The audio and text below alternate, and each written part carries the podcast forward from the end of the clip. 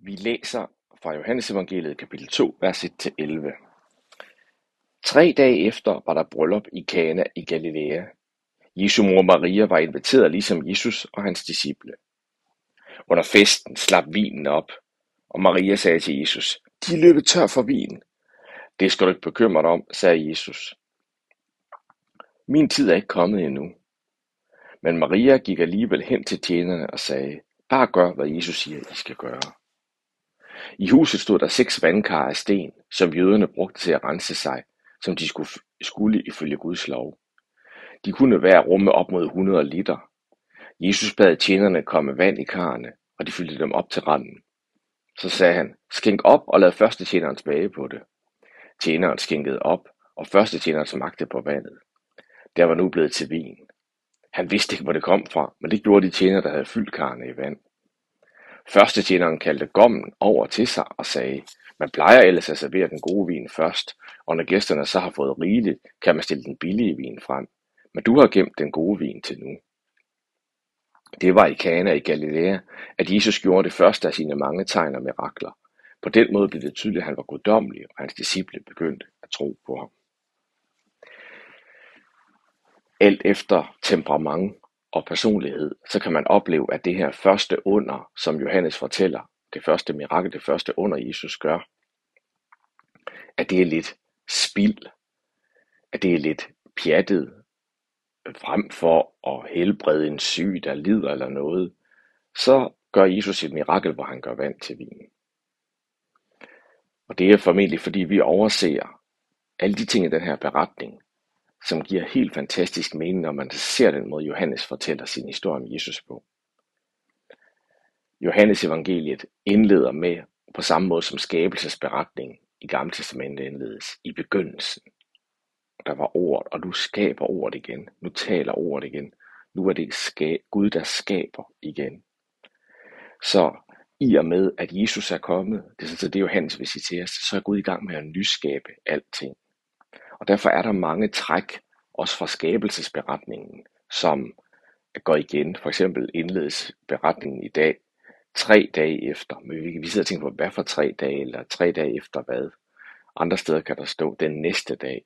Det er som om, at det er, her, det er et ekko tilbage fra skabelsesberetningen, hvor Gud skabte en dag, og så den næste dag, og så den næste dag.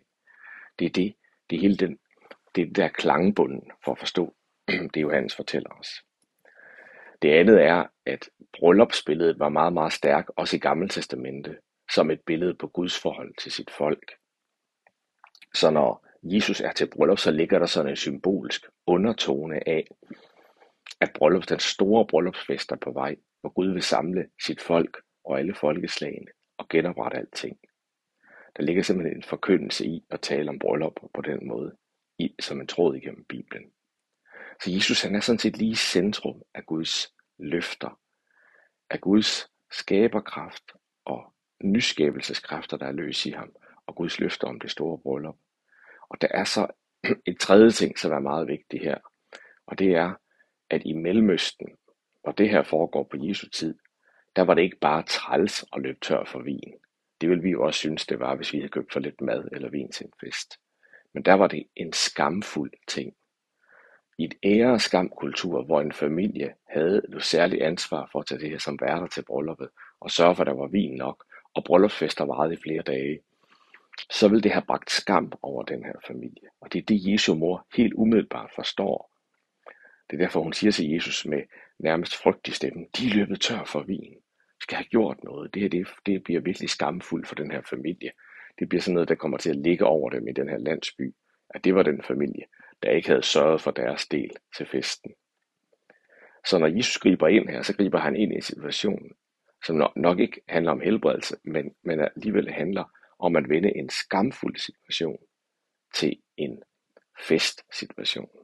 At, at, at helbrede, så at sige, eller fjerne den her skam, skam, der kunne ligge, og vente til en, et, en mirakel under.